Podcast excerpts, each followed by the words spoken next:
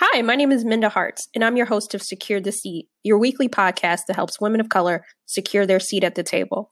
And if you're a first time listener, welcome. And if you've been rocking with me since season one or recently, welcome back. Happy that you're here.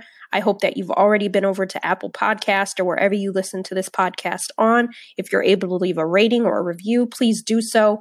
We have a lot of great guests on the show and a lot of good information. And I want to make sure that it gets out there. And the only way we can do that, we have to signal to the powers that be that this topic for women of color matters, our voices matter, and I can't do it alone. So I thank you for amplifying and sharing it. We are in season two and just a few episodes in, so there's still time to go back to season one and catch up. So uh, we'll be here waiting for you every Wednesday. So I just want to touch on a couple of things before we get in today's episode is um, this whole job shaming thing. And if you're not aware of this, uh, online there was a picture that went viral of a former actor on the Cosby Show, and he was seen working at Trader Joe's. And so somebody thought it was a good idea to shame him for working there. And it went viral, and I was happy. This is one of those opportunities where people went to bat for Alvin.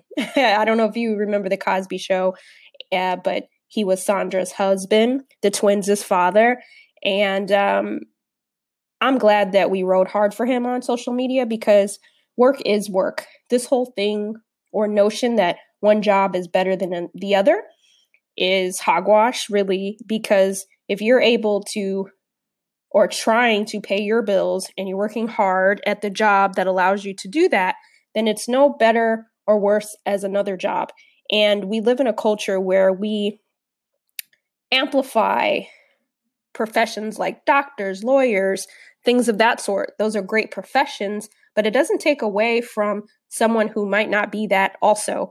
Uh, for example, I live close by a McDonald's, and sometimes I'll run in there to grab something really quick, and you know, I am in awe of each individual that's working in there because they're getting up every day, just like I am, and working, and we're doing what we have to do.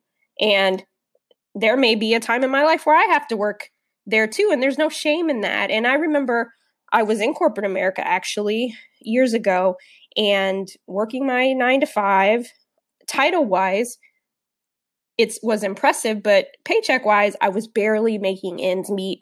And I really hated that. I hated that feeling of paycheck to paycheck. And so I had to get a part time job. And a lot of people don't know about this because obviously there's some shame that we feel and then shame that that comes from others or that we think comes comes from others. And I worked at a laundromat for a, a brief stint and I also was a locksmith assistant for a brief time. Yep, after my 9 to 5, I would go over in the evenings and learn how to unpop locks. Uh, essentially, people who would lock themselves out of the house or out of their cars. Uh, I was their helper, helping them do that. And so, and eventually I was able to go out on my own calls and, and do that. And I probably would have been mortified had I ended up going to a colleague's house or someone that was a client and having to unlock their door. But when I look back on it now, I'm like, work is work, Minda. and that allowed me to pay my bills at a time where things were looking really, really bleak. And one of the things that I've been very conscious of is when I'm writing my book, The Memo, which is out April 2019, is rather you are in a blue collar, white collar, whatever kind of job you have as a woman of color, everyone adds value. And securing your seat is not just about the boardroom or Fortune 500 company. I know I talk a lot about that, but securing your seat, whether you're doing it at a fast food restaurant, you're doing it at uh, a pet place, or you're doing it um, at Apple, respect is just a minimum. Lauryn Hill told us that, right? We all deserve respect. We all deserve to have a voice, and we all can secure our seat uniquely where we are. So if I'm an hourly employee or working at the airport, that job is just as important as any other job that we deem quote unquote successful, right? Um, that's important to know. And I am not here for shaming people for getting their money and paying their bills and being responsible. There's dignity in that. You know what's hard when you can't do that, when you're not working, when you can't find a job. So there there's dignity in work and it doesn't matter what kind of work that is. And you know what? That took a long time for me to come to because I used to think that oh, success meant I needed this title and this job and this amount of money. But the older I get, um, and more mature I get, I understand that, you know, there's dignity in all work that we do. There's no little eyes and big eyes. We're all doing the same thing, trying to make it day to day. And so that's why I think it's so important why we help others create our seat. And the next time that you go in to the nail shop or you go into a fast food restaurant, you know, treat each and every one of those women with respect, just as you want your colleagues and your boss to treat you with respect inside of your office or the corner office. All of our work is the same. Uh, me and my mom were uh, joking because we said when the credit card company calls, they don't care how you pay it. That $400 is $400. They don't care if you're doing it at the car wash or you're doing it at the corner office. pay your bills, right? So work is work. So I just want to remind us of that. And this week's episode is securing your seat. So maybe you're sitting somewhere where you're not happy or you want more and you're not receiving it just yet. Our guest, Brittany Oliver, she is a content creator. You can find her work in Forbes, Fast Company, Blavity, Essence, and so many other places. She has an event series called Lemons to Lemonade or L to L. It's been a pleasure to watch her grow and rise. I had the pleasure of attending her very first L to L mixer a couple years ago, and she actually was at my very first career boot camp at the Memo. Um, so we've seen each other grow in this space, and it's just been such a pleasure to go from business, uh, not knowing each other, to working together, to friends and supporting each other. And so I know you're going to enjoy the episode as she talks about how she created space in a seat for herself.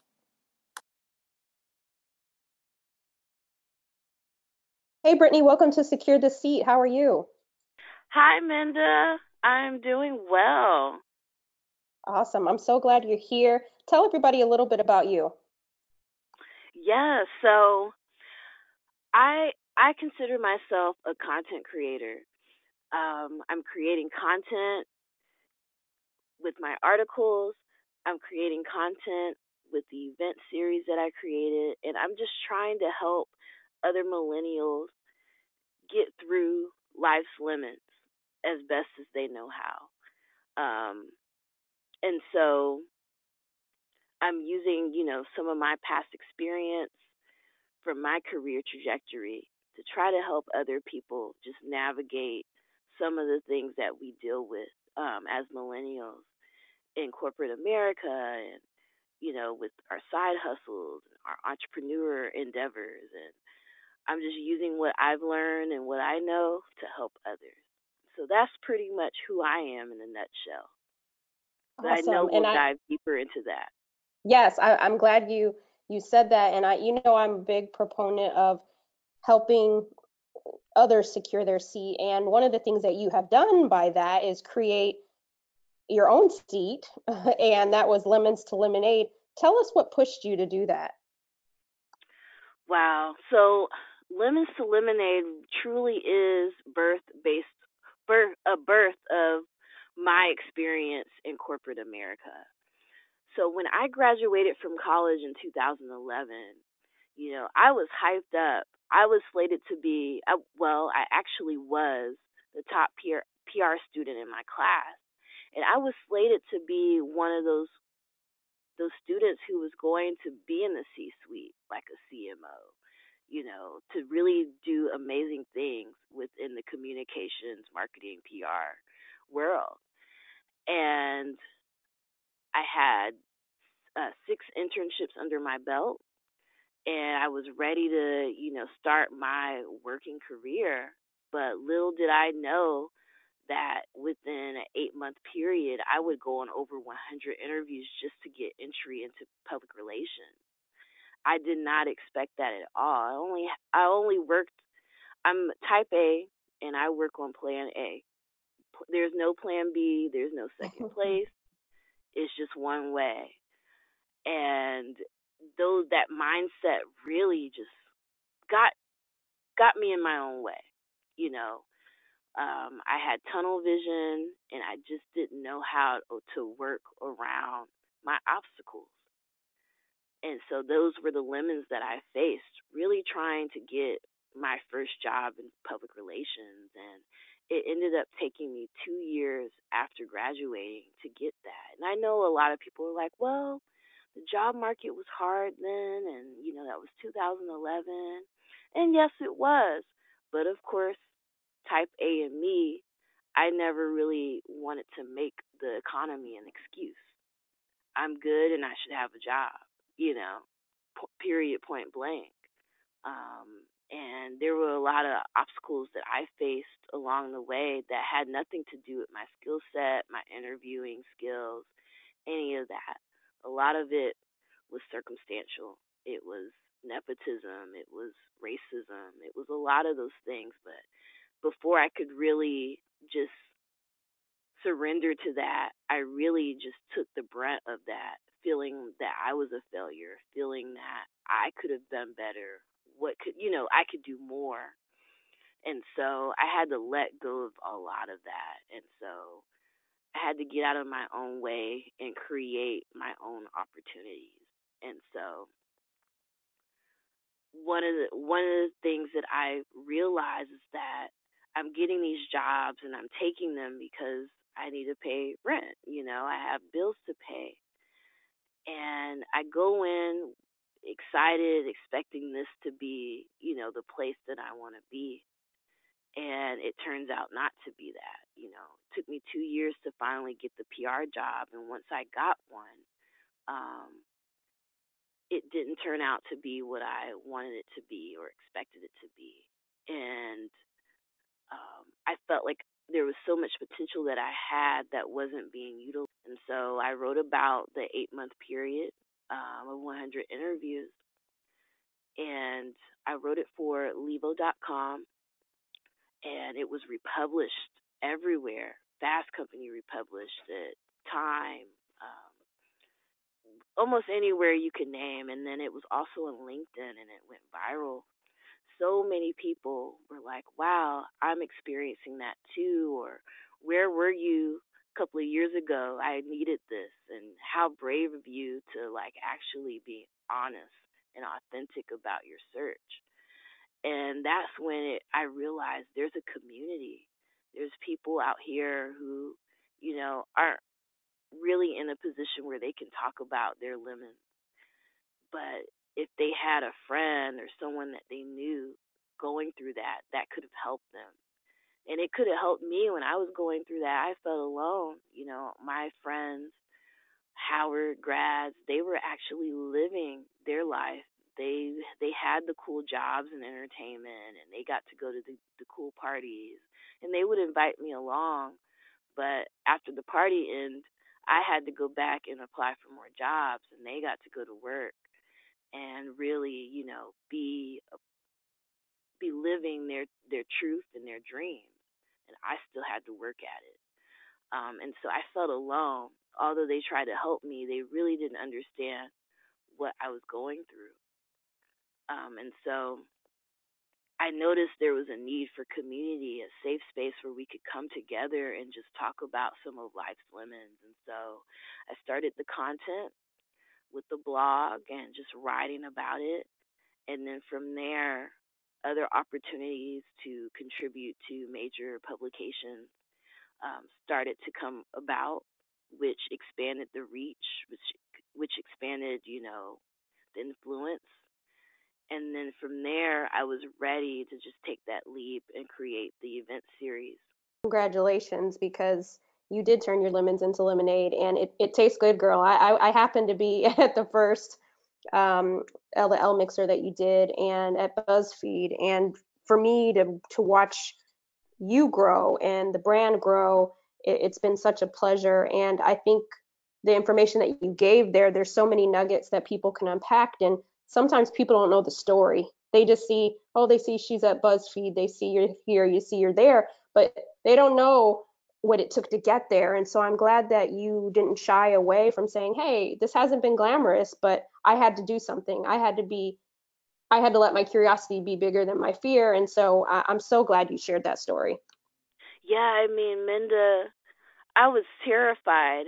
I went to do like the brunch or an event for so long, but I kept pushing it back, pushing it back. I felt like, oh, I don't have enough money. Oh, um, people don't know who I am and they won't come out and I'll have to like spend all this money. Um, there's just so uh, people uh, I wouldn't be able to get enough speakers. People will want to get paid to speak and I don't have money to pay them. Oh, I'm not going to get sponsorship. You know, all of those things were fear and I remember a friend she offered to help me. She she kept me accountable. A lot of people did. They were like, "So when are you going to do this?" That's great to hear because we all need that accountability and that push. And so it's important that you join communities like the Memo and L to L so that you have people who can push you. The other thing, Brittany, that I'm thinking is competition. We know that it's healthy and we know that we're not the only players in the game, but sometimes it can be, we can get in our minds about it. And how did you deal with other event series popping up in your space and not getting you off your purpose and off your grind. No, I just just didn't care. But the minute I kind of started to have a role on what I was doing, I noticed um, the other ones, and I think I noticed the other ones because I started to see my speakers speaking on all of these different panels. It got to the point where it was like, wow, every time I had a speaker, like literally the next week, they were on someone's panel, which is great because that's the whole point, right? You want to create opportunities. So if you're seeing someone from my um, panel that interests you and you want them to be a panelist, that's awesome. Like that wasn't a problem. It started to become a problem with, with the dates because eventually I start to see, you know, I start to notice these events. Then when you start to have plan your event months out with the date and then next thing you know there's like five other ones going on the same day. And that frustrated me so much. It was so funny um one of the guys from Driven Society was like, we need a black millennial calendar so we know not to like plan our events on the same day. I'm like, I know, right? because there's not a lot of black young professionals in the city. As big as the city is, it's the same group that's really going out to these different events. So when you've got three, four of them happening on the same day, it's like a pull and tug and it gets frustrating because you're like i promised my sponsors x y and z and now i'm not sure. And when you have free events you're going to have the drop off rate. People aren't going to show up even though they signed up. So you just never know what to expect. And those things used to get frustrating to me. Um just having stuff on the same day and why couldn't we just like have a calendar or something? How do we like maximize that? A shared and, drive. yeah, something because we need these these seats filled because we promised sponsors and, and venues, you know, we have to deliver on our promises. So that used to be frustrating because I, up until like the day of, I sometimes I didn't know who was going to be in the room and that used to be really scary. Um, and what else? So I felt like we were competing for the same audience. And when it came down to people picking and choosing where they want to go, one of the things that I've I had to really deal with is the cool kids crowd, right? And that's um an event series that really like has all these like influencers and you know this little clique in New York and they all kind of like hang out together and they do the same thing and they have the panels and everyone from that clique is on the panel and so everyone wants to be around them because they're the cool kids. And um that used to frustrate me because you know i would be told from you know potential attendees oh well i like their lineup better. What was better than their lineup? Oh well homegirl has so and so followers and i've been wanting to meet her and i want to take a picture with her. And i kind of talked about this in one of my newsletters recently about our fascination with influencers with large numbers and wanting to be seen with them wanting to be in the rooms with them it's like a celebrity right you mm-hmm. know mm-hmm. do you want to go to l to l or do you want to be in the room with beyonce Beyonce, you know. um, even I would want to be in the room with Beyonce, but I am obligated to do my L to L. And so what's happening is that so many people are choosing to just be seen and they're not being intentional with their time. So for example, Essence Fest, there's so many activations that happen off site and I had the opportunity to be in a room of women who are senior leaders in their jobs. These women oversee million dollar budgets. These women can help me sponsor L to L. You know, they can help me take it to the next level. And I was thankful to be in that room. But meanwhile, when that program was going on, there's, you know, the power brunch where you could have brunch with the cast of power and then there's Issa Rae at the insecure brunch and there was not a lot of people at the brunch that I went to. And I looked around and I'm like, this is this is where I need to be. I remember being salty, like, I want to be in all three of the rooms. Why can't I eat with Omari and also Issa Rae? You know? but I needed to be in the room that I need to be in because I'm trying to take L to L on the next level. So if you had a choice, are you going to kick it with Omari and Issa Rae, or are you going to pick being in the room that I was in around all these women who have or who are in charge of million dollar budgets? Most of us are going to kick it with Omari and Issa because so and so who's over Hilton and so and so who's over Toyota. I don't know who that is, and they don't have like a large following on Instagram. So if I take a picture with them, no one will know who they are. That doesn't matter. They actually have they control budget. Like they can help sponsor your content. They can get you opportunities. But we will choose to go hang with Omari and Issa because we want to do it for the gram. And so we miss opportunities because we do that. And that was frustrating to me because I would see people miss their opportunity to be around some of the people in my my room, you know, L to L, where you can really get some opportunities just so they can say they kicked it with this influencer in New York and take a picture for the gram and pretend that they were friends. And that used to just frustrate me all around. But what I had to learn is that I have a really unique niche. You know, I'm not talking about entertainment or anything. This is career. And with anything, whether I had a career podcast or anything, I'm not going to get the same type of traction that maybe the read gets, right? Um, I'm not going to get the same amount of followers that someone else will get. Yeah, I think that's important to note because we can get so caught up in the weeds sometimes and in the influencers and and I've had past episodes where we've chatted about don't get caught up in the likes and the follows because 9 times out of 10 that's not sustainable. And so I, am glad that you were authentic in sharing your story and as far as competition, knowing they exist but not being focused on them you know, as I was listening to you talk about it, it's hard to start from scratch. There's some woman right now thinking, you know what, I I just don't even know where to begin. What's like one or two things you wish you would have known before getting started that that may make that person's journey a little easier? Hmm. Well, one of the things that I learned, um,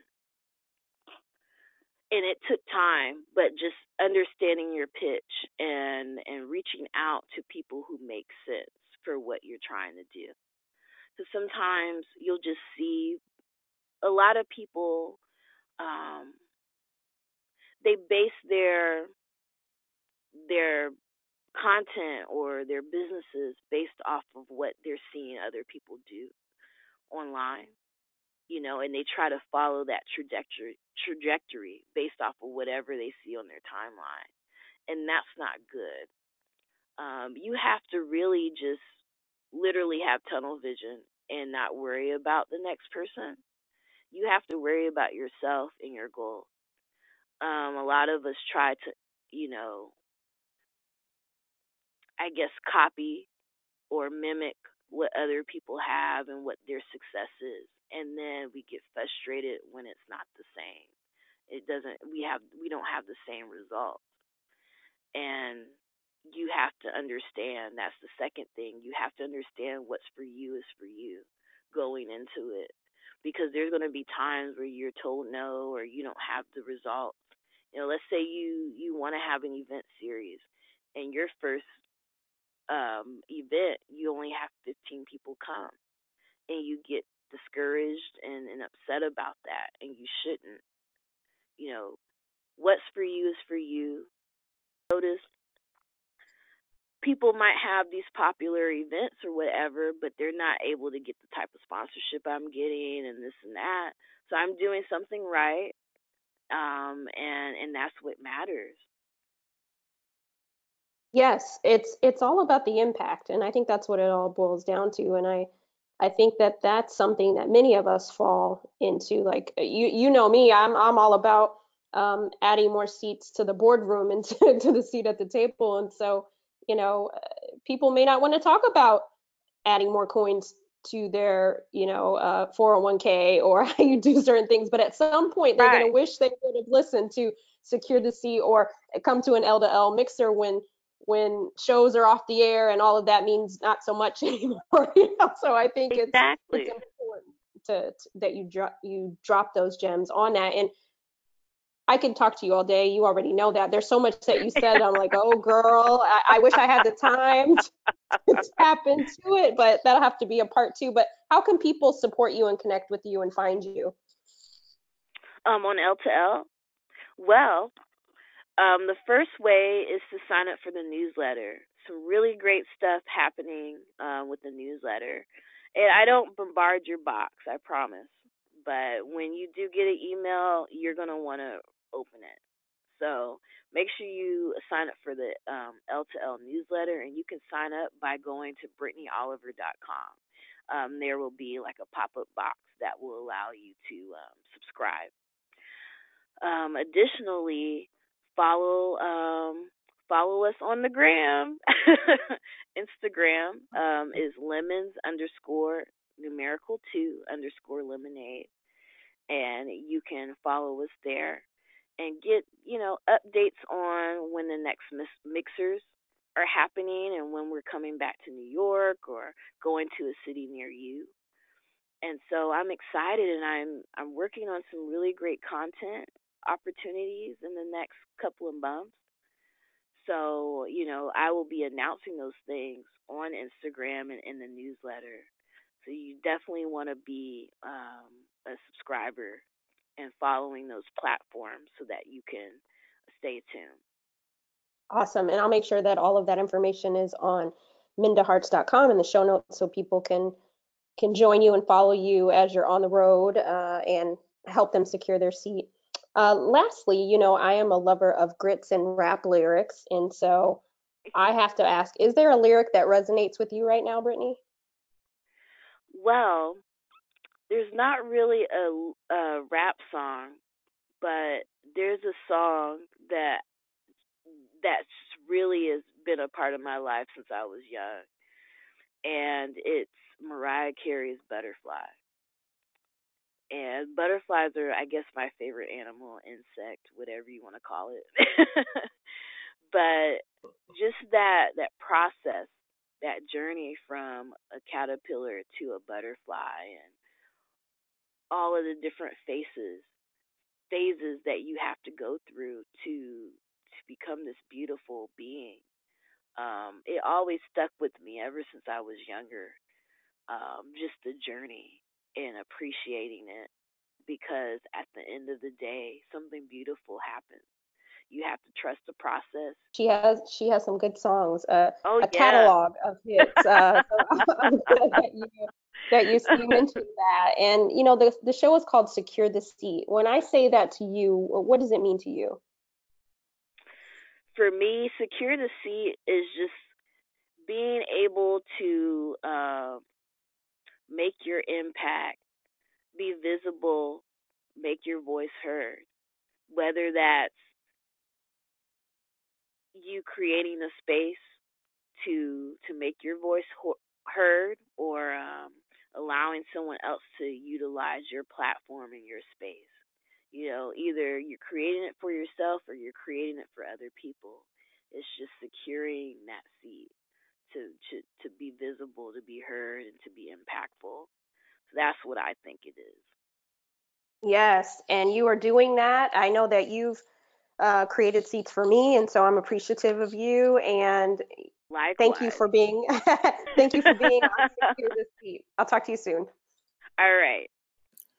I hope you enjoyed that episode. We actually had a very long conversation. I had to edit out a lot, but make sure you go over to BrittanyOliver.com and subscribe to her newsletter and attend an event when it comes to your city. And go to MindaHarts.com in the show notes, and you can uh, check out how to connect with her and support her. Also, before we get out of here, don't forget to go over to Apple Podcasts, leave a rating or review, or however you're able to leave a review or message on that platform, please do so. And I want to wish two special people in my life a happy birthday. One is my father, he's celebrating a milestone birthday this year. And I just want to let him know that you have a lot of life left in you, and there is no seat that you can't secure still. Um, as Aaliyah said, age is nothing but a number. And so um, can't wait to see what you do in the next part of your life. And also to our queen, Beyonce. She celebrated her birthday yesterday. And so I am a big fan of Beyonce and have been since the Destiny's Child days, where I too rocked braids with gold highlights in them. Yes, I am not too proud to admit that. and uh, uh, also, I was thinking about what is my favorite Beyonce song? And I mean, it's like a a potato chip. You can't pick just one. But, you know, when I think about secure the seat and some of the stuff that Brittany and I spoke about in terms of competition and and just creating your own space one of my f- favorite songs that i used to like for a whole different reason way back when it came out but how i look when i listen to it now it puts me in a different kind of mindset and that is where growth happens, maturity happens. Sometimes those songs um, that meant something to us in one experience in our life might mean something different now, and and that's the best thing I never had. And I think about all the no's that I received, or the promotions that I was overlooked for, or the people that didn't accept my proposal. I'm the best thing you never had. And so let people keep sleeping on you go get them a pillow, go get them a sleeping bag because um, when it's all said and done, you'll be happy living your life, doing what's in the cards, in the stars, in your destiny. It's going to happen for you. And so when you think about who's maybe done you wrong or have hasn't been there for you or didn't give you that opportunity, just think that they're the best thing. You are the best thing they never had. And so thank you for joining us. Have a great week hit me up at mindaharts.com and I'll see you next Wednesday.